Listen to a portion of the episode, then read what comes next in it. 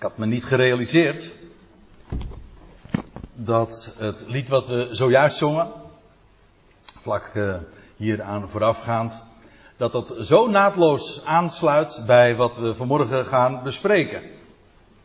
Want over die troon, over die hemelse positie van Christus en alles wat wij in Hem bezitten en wat dat ook voor de toekomst gaat beloven, ja, dat is precies het onderwerp wat we nu vanmorgen onder ogen gaan zien. En ik heb er als subtitel boven deze samenkomst boven gezet, zoals u hier ook ziet, uitverkoren en voorbestemd. En laat ik er eerst nog eventjes iets aan voorafgaand uh, over, over vertellen. En misschien had ik dat beter gisteren kunnen doen. Maar goed, toen uh, is me dat uh, ontgaan. En dat is een soort van disclaimer. Dat wil zeggen een bepaald voorbehoud dat ik maak uh, met de studies van deze, van, deze, ja, van deze dagen. En dat is nogal hoogstaand is. En dat lijkt me een eufemisme. Waar we ons mee bezighouden. Zo hoog. Ik zal u vertellen, daar werd ik juist aan herinnerd toen ik gisteravond na afloop van de samenkomst kwam er een, uh, een vrouw naar mij toe en die, ja, die had totaal geen, geen uh, achtergrond met bijbelkennis. En die zei toen tegen mij, en heel vriendelijk en heel aardig, uh, ze zegt, dat het erg mooi is, dat is me wel duidelijk geworden, maar ik heb er niks van begrepen.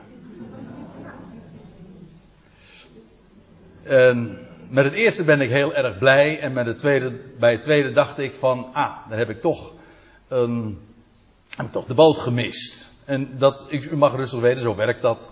U herkent dat misschien wel. Uh, juist dat blijft dan resoneren. Dan denk je van, hé, hey, dat is jammer. Ik had het eigenlijk ook van tevoren uh, moeten zeggen als waarschuwing.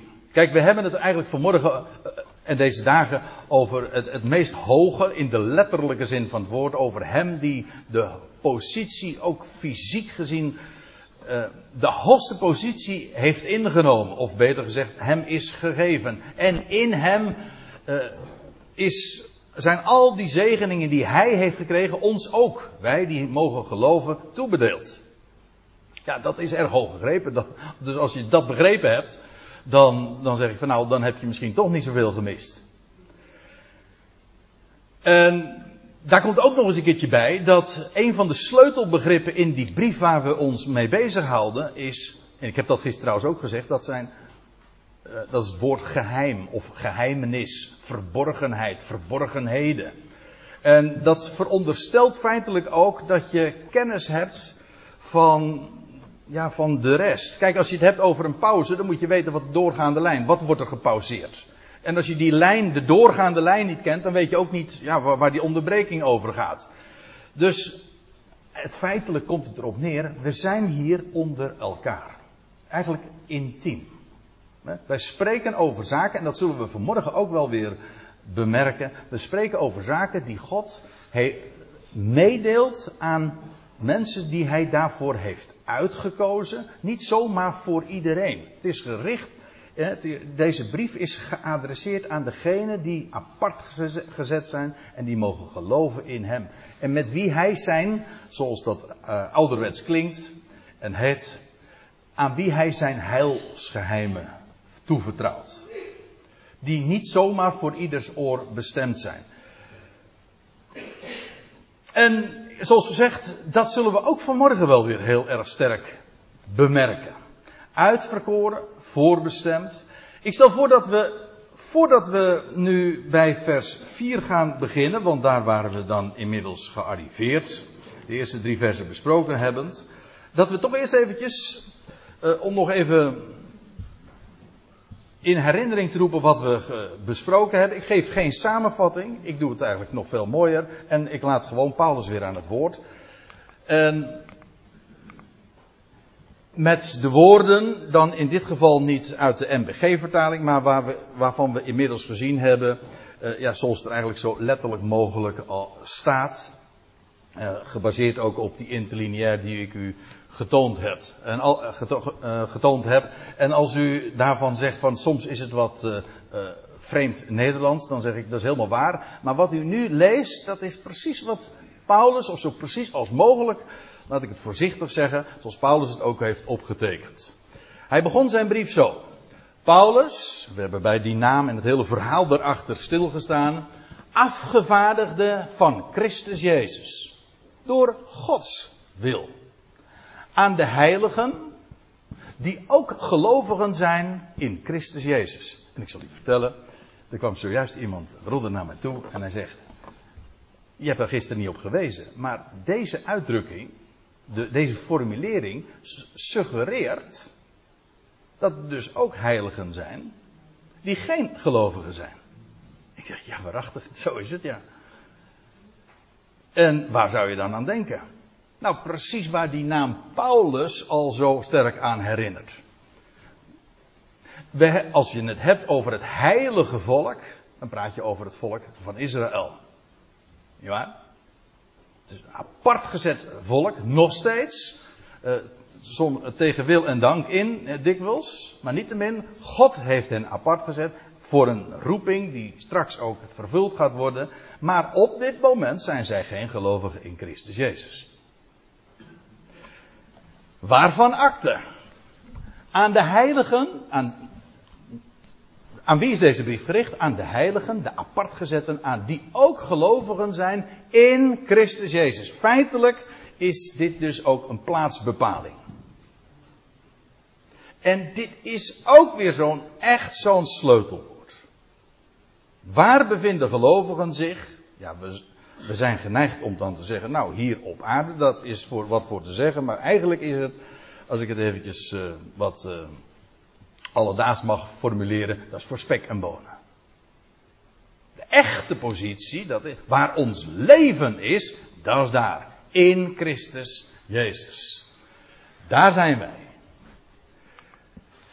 En dan gaat de brief verder met genade, vreugde om niet, met jullie en vrede. Vanaf God, onze Vader, en van Heer Jezus Christus. Gezegend de God en Vader van de Heer van ons, Jezus Christus, die ons zegent in alle geestelijke zegen, in de hemelsen, in Christus nou, dit zijn de woorden die we gisteravond hebben besproken, wat nader bezien. En met name natuurlijk ook deze woorden. Want als Paulus dan zijn, zijn lofzang begint, gezegend de God en Vader. Waarom? Wel, omdat Hij ons zegent. En dat buitengewoon royaal, royaler kan niet, want elke geestelijke zegen, alleen het onttrekt zich aan ons oog. Is het daarmee abstract? Nou, dat weet ik weer niet of je dat zo kunt zeggen. Maar in ieder geval, te zien met onze ogen valt er niks, want het is namelijk daar. Boven. In Christus. En dat is het hele punt. Een van de, de, ja, de metaforen, maar ik weet niet eens of ik dat helemaal correct zeg. Uh, maar dat is typisch Paulus om dan te zeggen: wij zijn zozeer in Christus, ook zelfs in de fysieke zin van het woord. Dat wil zeggen, hij is hoofd en wij zijn zijn lichaam. En wat het hoofd ontvangt, dat ontvangt het lichaam. Dat is logisch. Dat is namelijk een onverbrekelijke eenheid. En daarmee heb je de essentie feitelijk, als u het mij vraagt, van deze brief te pakken. Wat aan Christus gegeven is, waar Hij is, wie wij zijn, dat is allemaal verankerd in Hem. Waar zijn al onze zegeningen? Waar, ook waar ligt onze toekomst? Het is allemaal besloten in Christus. In Hem. Dat is de plaats waarin zich dat allemaal bevindt. En dat aangezien Christus momenteel ontrokken is aan het oog, maar wel elke zegen van zijn God en Vader heeft ontvangen, hebben wij dat dus ook. En aangezien hij zich vandaag in hemelse sferen, of te midden van hemelingen, maar in ieder geval te midden van de hemelse bevindt, dus wij ook, die ons zegent in alle geestelijke zegen in de hemelse in Christus. In feite is dit niet zo moeilijk te begrijpen. Al gaat dit natuurlijk, nogmaals, zo hoog. Al is dit inderdaad onbevattelijk. Maar we komen bij elkaar om dat juist ook te bedenken, te beseffen. Nou ja, ik moet er wel bij zeggen, de Bijbel is natuurlijk wel veel, is ook royaal in, in de illustraties. Maar dan moeten we ja, gaan bladeren in, de, in, de, in het Oude Testament, in de Tenach, in de Hebreeuwse Bijbel. Daar vind je geweldige beelden, verhalen waarin dat allemaal wordt geïllustreerd. Denk bijvoorbeeld aan de hele dienst eh, van de hoge priester in de tabernakel. Dat is een uitbeelding van wat Christus vandaag is en wat hij doet. Maar daar houdt het bepaald niet bij op.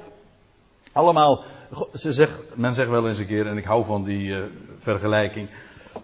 Die Hebreeuwse Bijbel, ons Oude Testament, dat is eigenlijk niks anders dan Gods plaatjesboek. Allemaal geïllustreerd de geweldige waarheden van wat wij bezitten en wat God zich voorneemt in Hem. Wel, dit hebben we gelezen en daarop gaan wij vervolgens voortborduren. Nou, laat ik het anders zeggen. Paulus gaat gewoon verder, want u moet weten, dat is ook nog zo boeiend. Uh, ik uh, mag dan soms moeilijk te volgen zijn. Uh, maar Paulus ook, kon er ook wat van hoor. Nee, dat is geen beschuldiging. Ik zou niet durven. Ik, het geeft alleen wel aan hoe geweldig ehm, ja, groots het is wat hij, hij onder woorden brengt. Uh, weet u dat, die, wat, dat wij ons in dit hele weekend bezighouden met twee zinnen? Ja, de MBG-vertaling heeft het, die vond dat een beetje te gortig en hebben er een paar zinnen van gemaakt. Maar er is niet zo gek veel meer hoor. Ik geloof dat het eh, vers 1 tot en met 14 slechts drie of vier zinnen zijn. Daar blijf ik vanaf. In de MBG vertaling. Maar het zijn feitelijk gewoon twee zinnen. De eerste, de eerste, drie, eerste twee versen, dit is een zin. En hier vangt inderdaad een nieuwe zin aan. En die eindigt pas in vers 14. Dus uh, ik weet niet of u wel eens een keertje Efeze 1 voorgelezen hebt. Maar je moet iedere keer eventjes happen naar adem dan. En ook om de goede accenten te leggen. Daarom, uh, je kunt het wel in stukjes delen, zoals ik dat nu ook hier laat zien. Gewoon door die zinsdelen onder elkaar te zetten, dan hou je ook goed de draad vast. Ons in alle geestelijke zegen in de hemelsen in Christus. En kijk, hier zie je dan uh, dat. Uh, ik meen ook hier een nieuwe zin dan aanvangt, weet ik even niet. Maar in ieder geval, de MBG-vertaling gaat dan verder met: Hij heeft ons immers in Hem uitverkoren. Maar u ziet, eh, het begint eigenlijk met woorden die betekenen zoals. Zoals uh, hij ons uitkiest in hem. Dat woordje zoals, dat, dat haakt dus gewoon weer direct aan op die voorgaande zin. Dus het idee is, zoals hij ons zegent in Christus, met elke geestelijke zegen in de hemels, te midden van de hemelse, zo kiest hij ons ook ons uh, ook uit in hem. Dus dat woordje zoals, dat is, dat is de inleiding voor een vergelijking. Zoals hij ons zegent in hem, zo kiest hij ons ook uit in hem. En ook hier is trouwens die, die woordvorm, hij kiest uit. Ook hier wordt de nadruk gelegd op het feit aan zich, zonder horizon. Het feit wordt gesteld. Hoewel een tijdstip er wel uh, daarna vervolgens genoemd wordt, maar de, werkwoordsvorm uh, legt de volle nadruk op het feit aan zich. Hij kiest uit. Hij maakt zijn keuzes. En uitkiezen, dat is niet zo moeilijk. Ons woord ja, uitkiezen of uitverkiezen. Ik heb de indruk dat als we het hebben over uitverkiezing, dat dat vooral een begrip is Terwijl ik het zeg, begin ik te twijfelen. Maar ik heb de indruk dat uh, het woord uitverkiezing vooral een term is die gebruikt wordt in godsdienstige context. En uh, verkiezen, eh, dat ja, de verkiezingen, politiek of van welke aard dan ook, dat is dan wat meer in het alledaagse spraakgebruik. Maar het is eigenlijk het idee bij uitkiezen is, en als je uitgekozen bent, dan ben je dus uitverkoren. Het idee is, je hebt een gezelschap en je kiest eruit. let op ook dat voorzetsel uit. Hij kiest uit. Uitverkiezing is in die zin dus ook exclusief. Begrijpt u? Het idee is dus dat daar een gezelschap is. En voor sommige mensen, terwijl ik het zo zeg, denk ik van ja, als je dat in een, uh, in een uh, land als de onze zegt, een, cal Calvinistische wortels. Uh, en, en er zijn hier heel wat mensen, denk ik, zo in dit gezelschap, die ook, net als ik trouwens, een gedegen Calvinistische achtergrond hebben. En dan denk je bij uitverkiezing, ik weet niet hoe het u vergaat, maar ik heb zo het vermoeden dat de meesten daarbij geen warme gevoelens hebben. Waarom? Ja, vanwege, ja, inmiddels misschien is dat godzijdank veranderd. Als je, als je echt als licht van de schrift uh, is gaan schijnen. Maar het hele idee van, ja, God kiest uit, sommigen uit. Inderdaad, het idee bij uitverkiezing is, de een wel, de ander niet. Dat is wat, wat uitkiezen is. Je kiest bepaalde mensen uit. De koningin kiest bepaalde mensen uit hè, om minister te worden of zo. Dat is uitkiezen. Doet niet iedereen. Terwijl ik dit beeld gebruik, is het wel aardig, want dat is precies waar het eigenlijk ook om gaat. Uitverkiezing mag dan exclusief zijn in die zin dat niet iedereen uitgekozen wordt, maar de focus, de, het doel, het doeleinde is wel degelijk universeel. God kiest sommigen uit om de rest, de overige, het geheel te bereiken. En dat is weer all-inclusive. Dus, nogmaals, uitverkiezing is exclusief. Niet iedereen wordt uitgekozen, dat is een bevoorrechte zaak. Maar hij heeft het geheel op het oog. Het mooiste voorbeeld in het in de prille begin van de Bijbel is, vind ik persoonlijk, dat is Abraham. Van wie we ook lezen dat God hem uitkoos.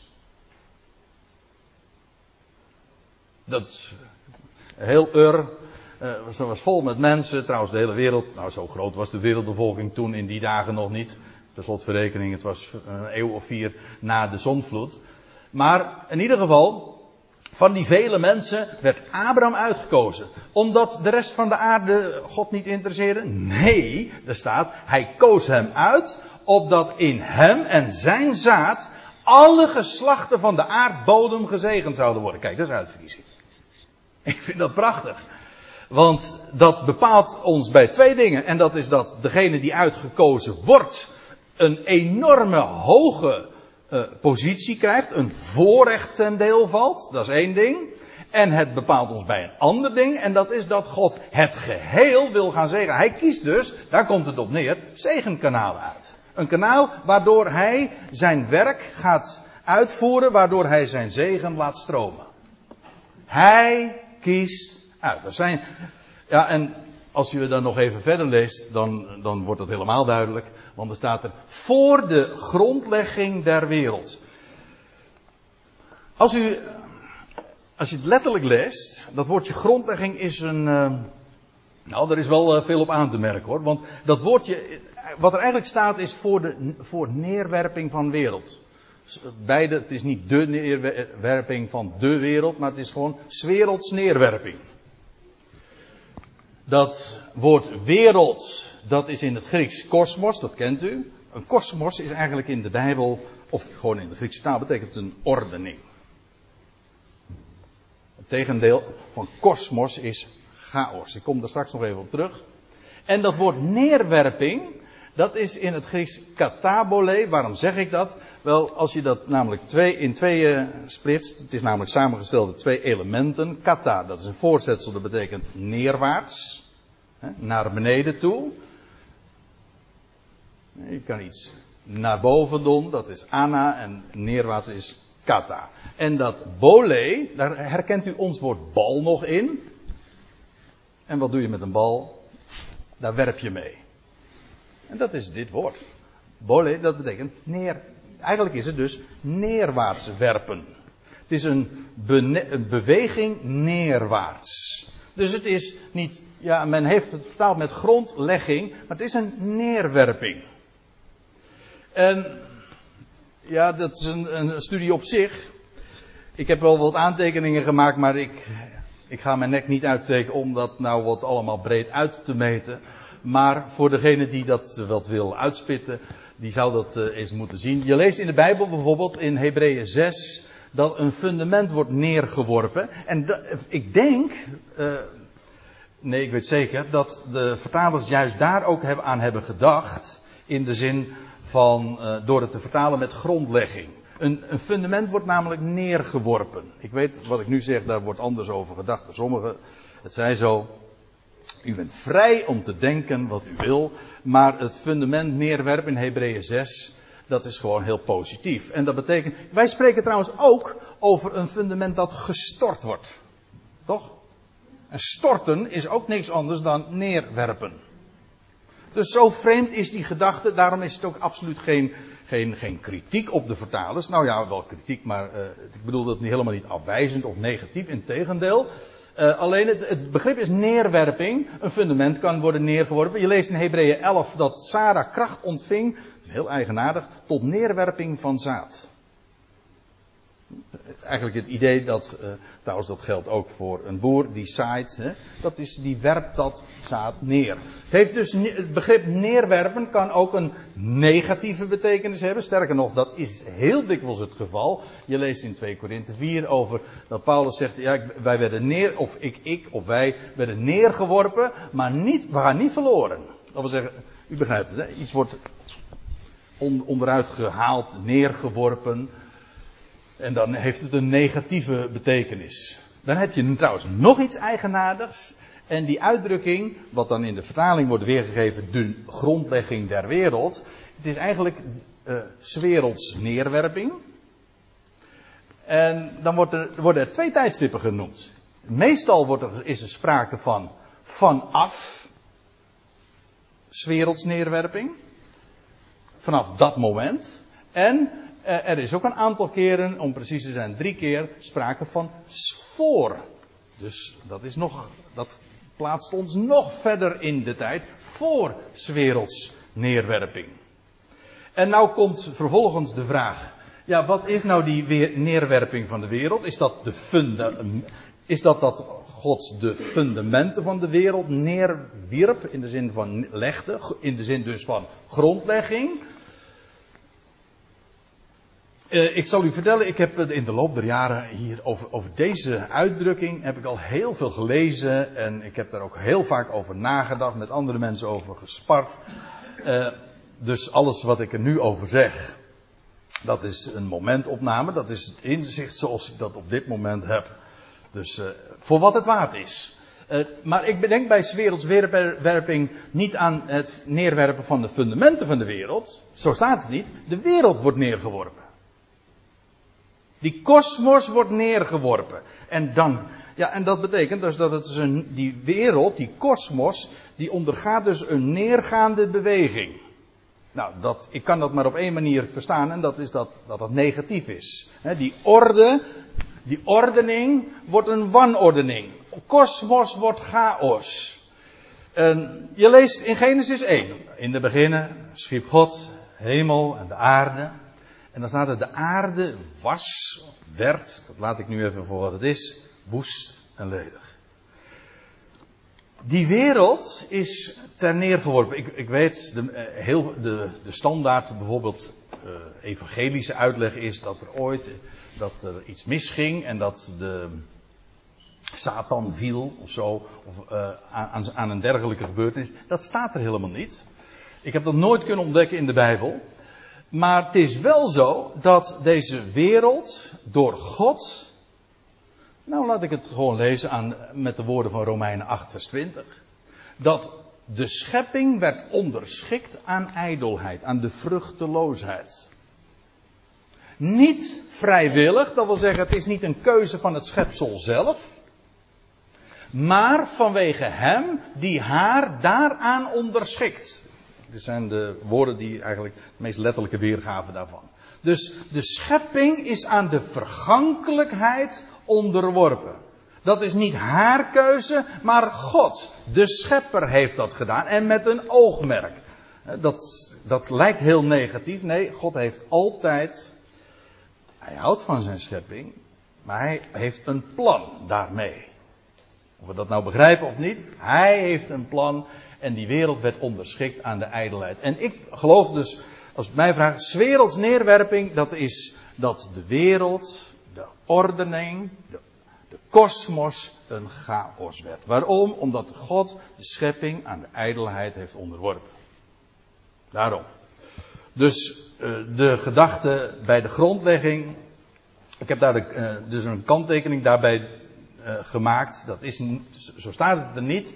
Maar we denken dus aan het feit dat God deze schepping aan de vergankelijkheid heeft onderworpen. En wel, nou gaan we even terug.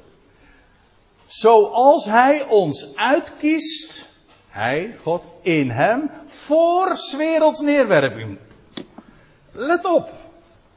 Want bij zo'n uiteenzetting dan over werelds neerwerping, dan moet je wel even gewoon de draad vasthouden waar Paulus het hier over heeft. Hij heeft het over het feit dat wij, ons, wij die heiligen, maar ook gelovigen zijn in Christus Jezus, Hij heeft ons in Hem uitverkoren. Wanneer? Dat wil zeggen, Hij maakte een keuze dus. Hij kiest uit. In Hem, en vanaf wanneer? Nee, vanaf. Uh, wat is het tijdstip dat Hij die keuze maakte? Dat is dat dateert niet vanaf dat moment dat God de wereld aan de vergankelijkheid onderwierp, maar dat ging daar al aan vooraf.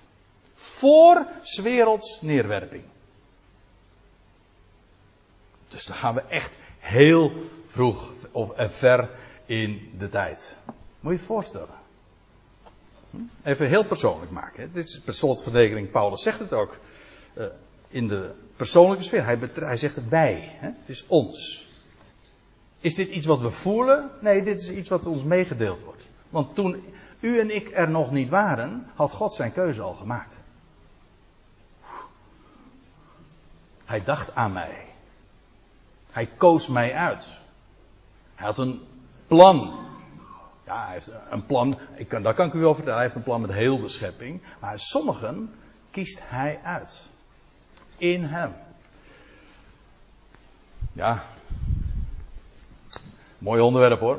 Echt een geweldig uh, thema. Want dan, um, dan ga je eens bladeren. Nou, we beperken ons eventjes tot de brieven van Paulus. Dan zegt hij in 2 Timotheus 1. God, want daarover heeft hij het dan. Die ons redt. Ook weer die, die, die feitvorm. Uh, God die ons redt en roept. Hij redt. Hij roept. Met een heilige roeping. Dat was een, he een hele apart gezette roeping voor en met het oog op hem. En er staat erbij, niet naar de werken van ons. Maar naar zijn eigen voornemen en genade. Vreugde komt niet. Hij, hij doet ons een voorrecht ten deel vallen. En dat heeft, staat volstrekt los van jou en mijn en onze activiteiten, onze werken, onze prestaties. Positief of negatief, dat zal ik straks nog laten zien. Maar dat, dat staat er helemaal los van. Hij redt, hij roept. Niet naar de werken van ons. Waarnaar nou dan wel, wel naar zijn eigen voornemen. En zijn vreugde om niet, om dat te delen. En dan staat erbij, die ons in Christus Jezus gegeven wordt. En dan staat er hier ook weer bij, voor Ionische tijden, voor eeuwige tijden staat er waarschijnlijk in uw vertaling, of in de Statenvertaling, voor de tijden der eeuwen. Voordat de wereldtijdperken de Ionen aanvingen. Ik weet dat sommige mensen daar heel veel moeite mee hebben. Die zeggen eeuwigheid, dat wil zeggen zonder begin, zonder einde. Nou, dan heb je een lekkere kluif aan dit vers. Want hier wordt toch maar doodleuk gesproken. En dat er eeuwige tijden zijn. Ah, sowieso die combinatie van Ionisch en tijd. Eeuwige tijden. Ho hoezo eeuwig beginloos zonder einde? Er, er, een eeuwige tijd heeft dus een begin en een einde. Want wordt weer opgevolgd door een andere eeuwige tijd. En dan, weet ik nog iets zeker, die eeuwige tijden, of de tijden der eeuwen, hebben ook weer een begin, want Paulus zegt dat is ons gegeven voor eeuwige tijden. Voor Ionische tijden. u begrijpt wel. Dus voordat de wereldtijdperken gingen lopen, had God een keuze gemaakt. En hij had een voornemen. En hij heeft ons genade gegeven in Christus Jezus. En als je het zo zegt, als positief zegt, begrijp je ook meteen waarom hij dan die ontkenning doet. Niet naar de werken van ons. Nee, we waren er nog lang niet. U begrijpt wel, dit heeft dus ook niks te maken met, met je gevoel of je beleving. Ja, oh ja, uh, ik moet er wel bij zeggen, als je dit verstaat, dan ga je wel beleven hoor. Dit is, dit is geweldig, dit is zo ontzagwekkend. Maar dit moet je verteld worden. Als God dit niet zelf had meegedeeld. En via zijn afgevaardigde Christ, uh, Paulus had laten optekenen, hadden we dit niet geweten. En nu we het weten, ja, wauw, dat is geweldig. Maar hij kiest uit. Nog één, Romeinen 9. Vers 11, 9-11. Nou, dat is een mooie 9-11. Hm? Ja?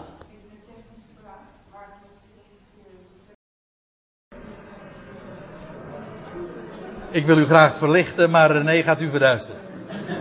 Sorry, uh.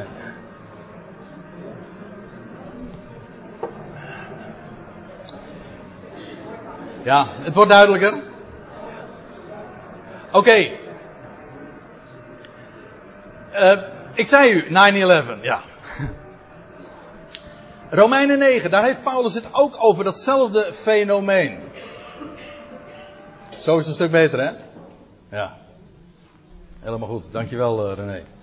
Want toen de kinderen, en nou heeft hij het trouwens over de kinderen van, ja, van Isaac en Rebecca, over Jacob en Esau, dan staat er, want toen de kinderen nog niet geboren waren, en dus ook goed nog kwaad hadden gedaan, dat is nogal wie dus, als je niet geboren bent, dan kun je ook nog geen goed en kwaad gedaan hebben.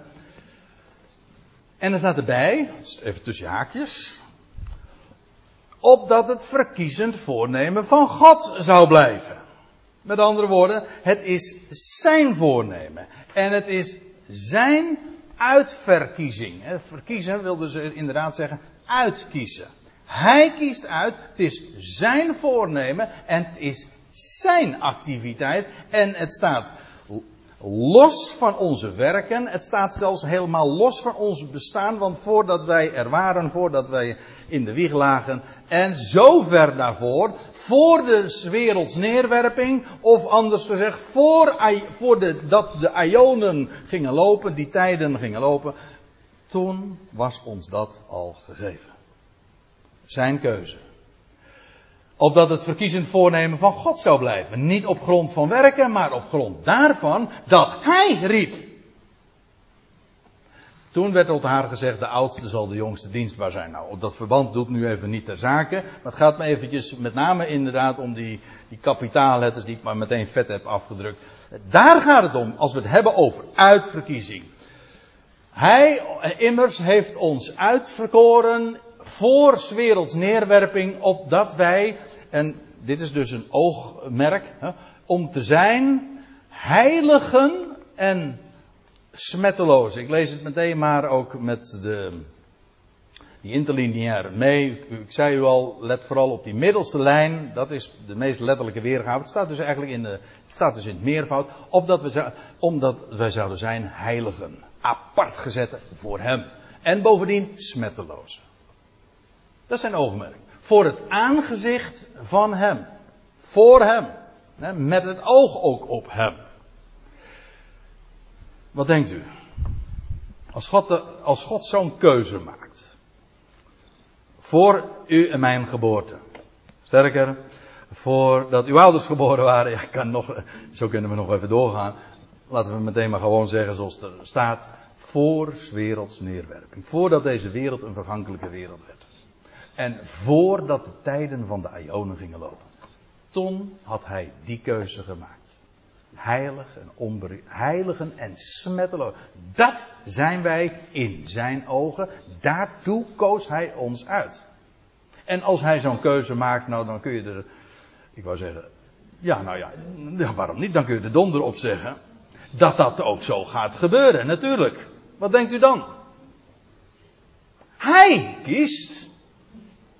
En voordat de wereld er was, hij heeft die hele wereld bedacht. Hij heeft een plan en in dat plan kiest hij, maakt hij, heeft hij ook een bestemmingsplan. Hè? En op grond daarvan maakt hij ook zijn keuze. Dat we heiligen zouden zijn en smettelozen. In een paralleltekst, want de Efezebrief en de Colossensebrief, dat zijn brieven die gelijktijdig ongeveer geschreven zijn, ook verzonden zijn. En die lopen ook inhoudelijk in veel opzichten parallel. En daar staat in Colossens 1 vers 22 om u ook uh, om u heilig en onbesmet. Hier worden de soortgelijke woorden dus gebruikt als in Efeze 1. Om u heilig en onberispelijk voor zich te stellen. Gods oogmerk. Hij doet dat.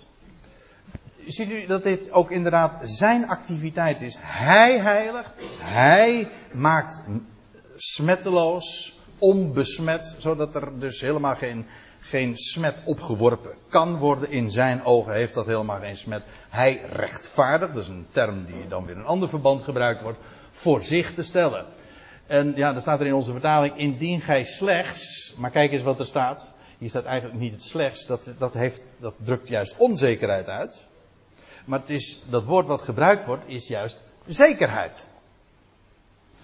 Indien gij zeker en welgegrond, ervan uitgaande dat je zeker welgegrond en standvastig blijft in het geloof. Kijk, deze waarheid, dat wij heiligen zijn, smettelozen, die kun je alleen maar verstaan op één grond.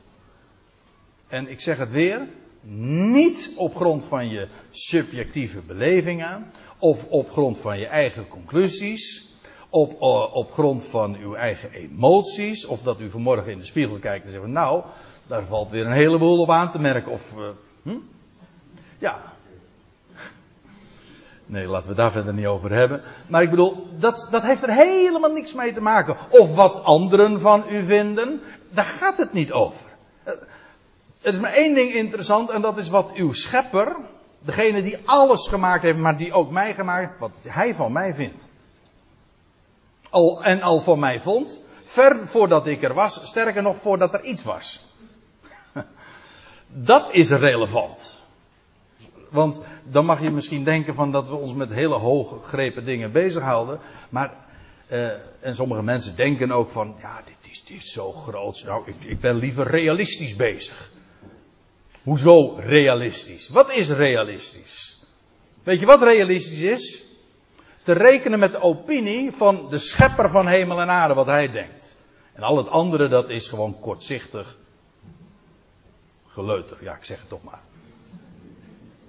Ja, uiteindelijk wel. Zelfs als je er een academische uh, label aan hangt, dat kan ook. Want je kunt er een hele mooi verhaal van maken. Maar enige wat telt is wat de schepper zelf verklaart. En wat hij zijn afgevaardigde heeft laten optekenen als we wel gegrond standvastig blijven in dat geloof. Kijk, geloof heb je het weer. In het vertrouwen, in het beamen van wat hij zegt. Niet laat afbrengen van de hoop van het evangelie. Wat hij trouwens een paar versen eerder over had gesproken. God de hele schepping op het oog heeft. We zullen daar morgenochtend uh, dieper op ingaan. Maar eigenlijk, dat moet je heel goed in de gaten houden. Ook als we ons met hele exclusieve zaken bezighouden. Het oogmerk is altijd het geheel. Dat zie je in Efeze 1, ook in Colossense 1. Het is, het is dus niet zo van God uh, verzamelt zich een gezelschap en nou ja, en dat is het dan. Nee, dat heeft men van uitverkiezing gemaakt. Weet je wel, mensen, je hebt mensen die uitverkoren zijn en de rest die niet uitverkoren zijn, pech. Nou, en ook dat is een eufemisme, pech, hoezo pech, dat is dramatisch. Dat is, dat is noodlot dan ook echt. Want ja, het, is, het valt je ten deel als je uitverkoren bent. Dat is een hele categorie hè, van de, zwaar reformatorici die, er zo, die dat zo benadrukt. als je uitverkoren bent, nou dan, uh, is een lot uit de loterij. En als je het niet bent, ja, dan, dan wordt het ook never nooit wat. Maar dat is ook, dan loopt het ook heel slecht met je af. En dan komt het ook nooit meer goed. Dat is toch afschuwelijk? Logisch dat mensen dan bij uitverkiezing zulke, zulke vreselijke associaties maken. Je moet leren bijbels denken. Gewoon zo, met, gewoon fris daar tegenaan te kijken. God maakt zijn keuzes, maar hij heeft het geheel op het oog. Kan het niet genoeg benadrukken. In, ja, nou ja, in liefde heeft hij ons tevoren ertoe bestemd. Uh, dat, er is wat discussie over de vraag, die woorden in liefde, of dat nou te maken heeft met het voorgaande of met het navolgende. Uh, ik, uh, ik, kies ervoor dat het beide is. Het, het, verbindt namelijk de beide versen. In liefde. Dus dan krijg je dit idee. Hij kiest ons uit. In hem. Voor werelds neerwerping om te zijn. Heilige en smetteloze voor het aangezicht van hem. In liefde. Tevoren ons bestemmend tot zoonstelling. Dus ja, waar slaat dat in liefde op? Nou, op het feit dat hij uitkiest en bovendien op het feit dat hij tevoren bestemt. Maar dit, deze woorden, in liefde. Daar staat het, het, het meest bekende woord daar ook voor in de Bijbel. Dat is agape. En liefde, deze, dit begrip liefde is onvoorwaardelijk. De liefde die een vader en een moeder hebben voor hun kind. Je houdt van je kind waarom? Omdat het je kind is. En al doet het nog wel zoveel tegen je wil in, dat, en dan moet je soms je maatregelen nemen, en dat kan in de praktijk verstrekkend enzovoort zijn, maar het is en je blijft je kind. Dat kun je nooit ongedaan maken. Wel, dat is de liefde van God voor zijn schepsing. Hij kiest uit, bestemt ervoor. Maar het is alles in liefde. God kan ook niet anders. Hij kiest uit, maar het overkomt hem ook. En dat zeg ik dan eventjes voor de fijnproever. Deze werkwoordvorm, dat staat ook in zo'n middenvorm. Het is actief en het is ook passief. Hij kan niet anders. Hij is liefde. En als hij opereert, wordt dat altijd gekenmerkt door zijn wezen. In liefde. Dat wil zeggen, het geheel omvattend, nooit laten varen, laat, uh, nooit laat hij varen iets wat zijn hand ooit begon. Daarom, in liefde.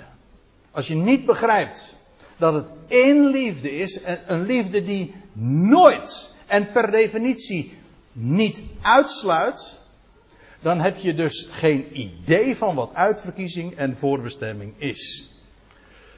In liefde heeft Hij ons tevoren ertoe bestemd. U ziet, Hij heeft ons tevoren toe bestemd, maar er staat eigenlijk gewoon tevoren bestemmen. Tevoren ons bestemmend. Ook hier weer die, die, dat, dat, die feitvorm. In liefde tevoren ons er bestemmend. Eh, dat is, u ziet hier dat woord voorbestemming. Ook daar is een mooi woord voor, een officiële term, en dat is predestinatie. Pre betekent voor en destinatie, denk maar aan destination, is bestemming. En God, uitverkiezing, geloof je. Uh, ik heb dat, uh, die vragen wel eens meerdere malen zelfs wel voorgelegd gekregen. Van als je dan uiteenzet dat God het geheel op het oog heeft en dat Hij de wereld redt en dat hij daarin geen uit, dat daarin niemand uitsluit. En dan, dat mensen dan reageren, ja, ik geloof in uitverkiezing en ik geloof in voorbestemming. Alsof dat een tegenstelling is. Ik geloof ook in uitverkiezing. Hier staat dat. Maar dat staat niet tegenover de waarheid dat hij het geheel op het oog heeft en redt en lief heeft. Integendeel, het bevestigde dat juist. God heeft een bestemmingsplan.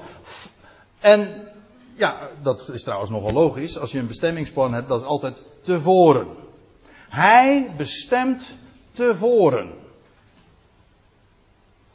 Dat is dus ook hier weer diezelfde gedachte. Kijk, bij uitkiezen, uitverkiezen denk je aan het feit dat je hebt een gezelschap en sommigen worden er uitgekozen.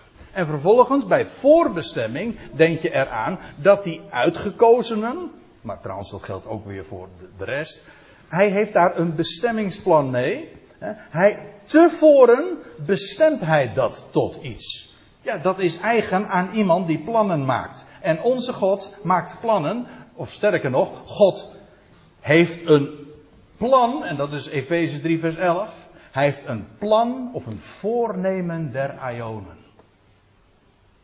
God heeft een plan. En ja, toen ik dat ook ging ontdekken, jongen, jongen, dan eh, gebeurt er wat hoor. In, in, je, in je hele denken, in je beleving. God heeft een plan.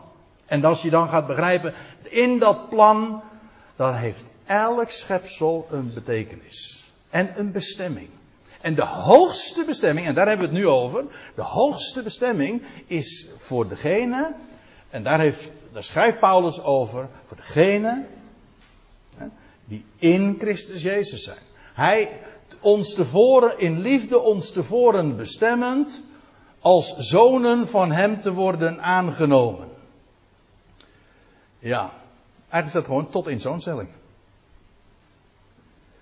Of zoonschap, maar de nadruk ligt ook eh, vooral ook op het feit dat het op de handeling, de zoonstelling. En ja, nou kom je op een andere vraag. Wat is dat eigenlijk, een zoonstelling? En dat fenomeen kennen wij niet zo. Maar de Bijbel des te beter. Men heeft het soms wel uitgelegd als, uh, als adoptie. Dat kan. Je leest bijvoorbeeld, uh, laat ik een Bijbels voorbeeld geven, van Mozes. Die werd door het, uh, in het huis van Farao geadopteerd tot zoon. Hij was geen lijfelijk kind, maar hij werd gesteld tot zoon. En gesteld ook worden tot zoon wil zeggen dat je ook gaat delen in de erfelijke, ja, ja, in de erfenis. En in alle voorrechten die eigen zijn aan, aan de familie. Dat is zo'n stelling. De mooiste uitleg van wat dat woord is, vinden we in Galaten 4. Als u het mij vraagt. En daar, ik neem u even daartoe, daarnaar mee. Daar lees je dit. En het hele verband van de gelaten brief laat ik nu voor wat het is. Maar Paulus zegt daar in ieder geval dat wij tot zonen worden gesteld. En hij plaatst dat tegenover slavernij. Dat doet hij trouwens iedere keer. Waarvan akte. Ik bedoel, Paulus zegt dit. Ik bedoel dit. Zolang de lotbezitter, de erfgenaam. Eh, even, even voor de goede orde. Een, ehm, in de, in de vertaling wordt er iedere keer eh, is er sprake van een, uh, een lotbezitter. En in de. Eh, nee, wat ik, zeg ik nou goed? In de vertaling is meestal sprake van een erfgenaam, terwijl er eigenlijk staat een lotbezitter. En. Uh, u, u struikelt daar misschien een beetje over. Zeg ik dat nou om interessant te doen? Nee, het punt is dit. Kijk, je hebt een, een, een erfgenaam is eigenlijk ook een lotbezitter. Dat wel. Je, dat wil zeggen, je bent een erfgenaam, je ontvangt, je, of je bent rechthebber op iets wat jou ten deel valt. Maar het omgekeerde is niet zo. Het is niet zo. Eh, kijk, een erfgenaam is wel een lotbezitter, maar een lotbezitter hoeft niet altijd een erfgenaam te zijn.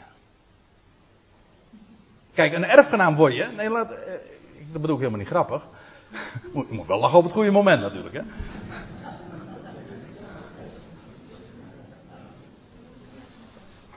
Een Uh, nou moet ik het goed. Nou ben ik even de draad kwijt. Over uh, ja, een, een, erfgenaam. Die.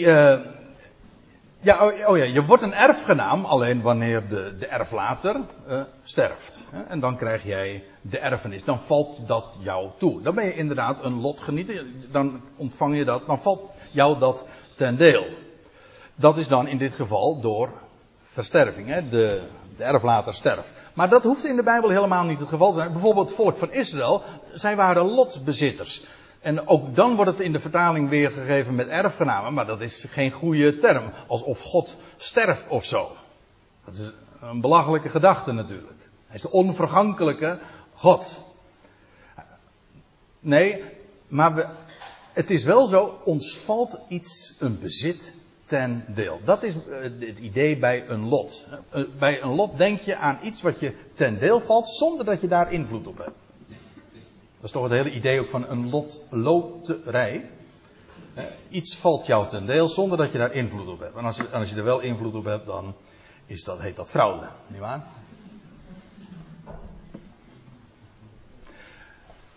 Maar goed, zolang de lotbezitter. Dus het is een breder begrip dan alleen maar erfgenaam. Dat is wat ik er eigenlijk mee wil zeggen. Ik bedoel dit, zolang de lotbezitter onmondig is, nog niet meerderjarig is, verschilt hij in niets van een slaaf, ook al is die eigenaar van alles. Dus ook een kind, gewoon een lijfelijk kind, een klein kind, is nog geen zoon. Kijk, en dat is een, dan moeten we eventjes, dat moet je weten, dat is bijbelspraakgebruik. Je bent weliswaar een kind, maar je wordt tot zoon gesteld op een bepaald moment. Zolang de lotbezitter onmondig is, verschilt hij in niets van een slaaf. Uh, ook al is hij eigenaar van alles. Maar hij staat onder voogdij en onder beheerders. Tot op het tijdstip dat door zijn vader tevoren bepaald was. En dan zegt Paulus, zo bleven ook wij, zolang wij onmondig waren, verslaafd onder de elementen, een slaaf onder de elementen, het ABC van de wereld. Waar heeft hij het over?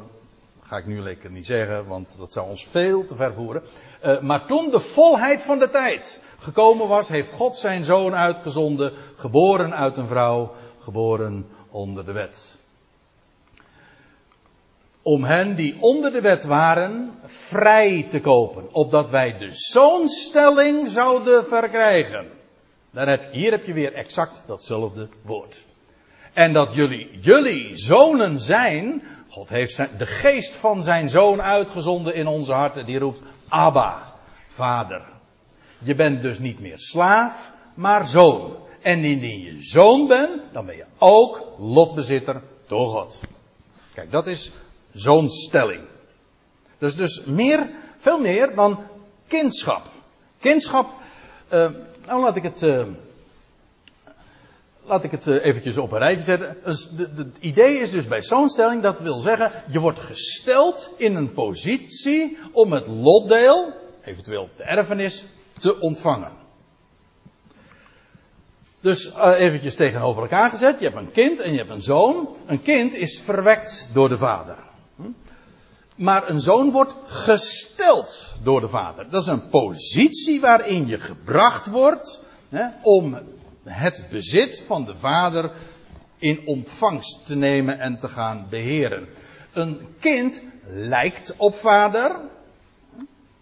Logischerwijs. Een zoon representeert de vader. Dat is trouwens een mooi bijbels begrip. Uh, kun je dan twee tegenover elkaar zetten. Die al, uh, al in Genesis 1 tegenkomen. Nou lees je over de mens die geschapen werd in Gods beeld en gelijkenis. Bij gelijkenis heb je de gedachte van een kind.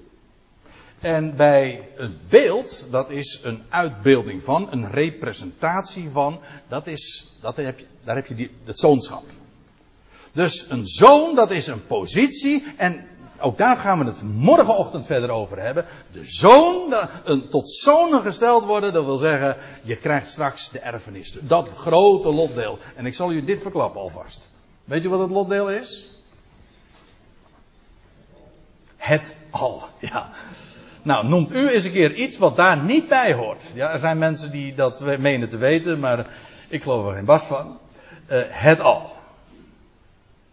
Het al. Wat in hemel op aarde is, in de Bijbel elders wordt er zelfs nog uh, onder de aarde er ook nog bij ge, genomen. Gewoon, gewoon het al. Dat is de erfenis. Dat is het lotdeel. En dan gaan we bezitten. Gods bestemming. Hij koos ons uit, ver voordat we er waren, voor de Ionen. En hij had een bestemming. Wie? Degene in Christus Jezus. Om zonen, om tot zonen gesteld te worden.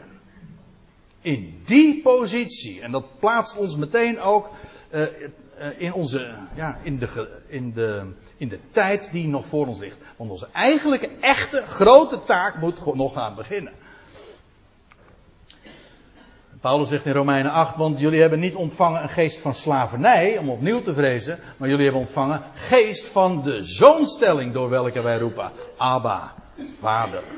U ziet ook hier weer, zoon is altijd het precieze tegenovergestelde van, van een slaaf. Het is de hoogste positie, waardoor wij ook communiceren met de Vader en Hem zo ook aanspreken in de meest intieme vorm.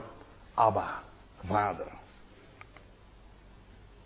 Romeinen 8, vers 23 gebruikt Paulus die term ook. Wij die de geest als eerste gave ontvangen hebben, dat is een aanbetaling, daar gaan we het morgenmiddag over hebben. Wij zuchten bij onszelf, dat wil zeggen, gewoon in, uh, dit lichaam is namelijk nog onverlost.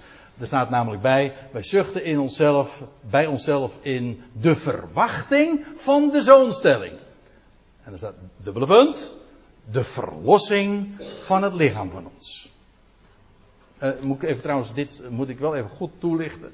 Als Paulus het heeft over de, de verlossing van ons lichaam, dan bedoelt hij niet dat we van ons lichaam verlost worden. Nee, dan bedoelt hij dat het lichaam verlost wordt. We worden niet verlost van ons lichaam, ons lichaam wordt verlost. Dat is de verwachting van, het zoons, van de zoonstelling. Want die zoonstelling, als dat hele concept, dat bepaalt ons bij onze echte taak, die gaat beginnen op het moment dat dit lichaam gewoon ook gaat beantwoorden aan, uh, aan de condities die het ook nodig heeft om zijn taak te gaan uitvoeren. Straks. Die ionen die nog voor ons liggen, waarin de hele schepping gebracht gaat worden tot het doel. En nu al selecteert God mensen uit, ecclesia, selecteert hij uit tot dat geweldige doel. Daartoe zijn zij bestemd. En als ons lichaam verlost wordt, dus ook dat is zijn werk, het is allemaal zijn werk. Wordt dat gerealiseerd. Hij heeft ons tevoren ertoe bestemd uh, als zonen van Hem te worden aangenomen door Jezus Christus. Tevoren ons bestemmen tot zoonstelling door Jezus Christus. Het is de enige keer trouwens dat er sprake is van door Jezus Christus. Voor Hem. Allemaal het oog op Hem. Naar het welbehagen, het genoegen, de verheuging van Zijn wil. Ik moet nu snel gaan. Want het zijn maar een paar versen die we behandelen. Maar als je. Als je er zo op ingaat, dan, uh, dan kost dat zo ook zijn tijd. Maar in vers 6 lees je nog het, het oogmerk. Tot lof van de heerlijkheid van zijn genade. Dat is trouwens een refrein in, deze, in dit hoofdstuk. Tot lof zijn heerlijkheid. Tot lof van de heerlijkheid van de genade van hem. Hoezo, hoezo tot lof van de heerlijkheid van zijn genade? Nou, ik zou zeggen, het is heerlijkheid. Ik hoop dat u dat in ieder geval toch wel begrepen hebt. Een e, de hoogste positie. Bestemd om het, de, het al te gaan ontvangen en te beheren en tot bestemming te brengen. Het valt ons zomaar ten deel. Het is om niet. Het is heerlijkheid, maar het is ook genade. En van wie is het afkomstig? Ja, van hem. Nou, dus wie ontvangt daarvoor de ode? Nou, hij uiteraard. Dus dit, alles waar we het vanmorgen over hebben, dat is, en misschien vindt u dat wel pijnlijk, want u, ja, als u nou vraagt van ja, maar wat is ons aandeel daarin dan? Dan zeg ik niente. Niks. He, nada, of hoe zeg je dat in andere talen nog meer? Helemaal niks. En wie ontvangt daar dus voor de eer? Hij. Hij. Kijk, sta daar gewoon op. Hij verklaart dat. En als je dus erop staat, dan heb je een enorme rust. Dan denk je, ah, hij heeft een plan. Hij heeft een plan. En hij, waar, waar, waar, en in die genade van hem, die hij dus, ja, die vreugde die hij om niet geeft, uh, hij begenadigt hij ons. Ook hier weer onbepaalde tijd. Het is allemaal, hè. Uh, we hebben het nu in een paar versen al gezien. Iedere keer weer die, die, die feitvorm. Hij zegent. Hij kiest uit. Hij bestemt tevoren. En hij begenadigt. Dat is allemaal wat hij doet en wie hij is. En ook waarin hij dat doet. In de geliefde. Dat wil zeggen, en dat is Colossense, de zoon van Gods liefde. Dat is de sfeer. In hem hebben wij dat ontvangen. U zegt Christus is degene die straks hemel en aarde zal gaan brengen tot bestemming. Amen. Maar er is een volk wat als één lichaam bij hem uh, betrokken is en in die zegening deelt. En dat zijn wij. Die in Hem vandaag mogen geloven. En dat is tot lof van de heerlijkheid van Zijn genade. Hoe anders? Ik stel voor dat we daar een lied over gaan zingen. Een heel mooi bijpassend lied. En velen zullen dat wel kennen, denk ik. God is getrouw. En dan denk ik, zie je wel, ze weten het wel. Dan mogen ze vaak wel schoppen. En verketteren. Maar dan denk ik, maar zo is het. God is getrouw. Zijn plannen falen niet. Hij kiest de zijn uit. Hij roept die allen. Enzovoorts.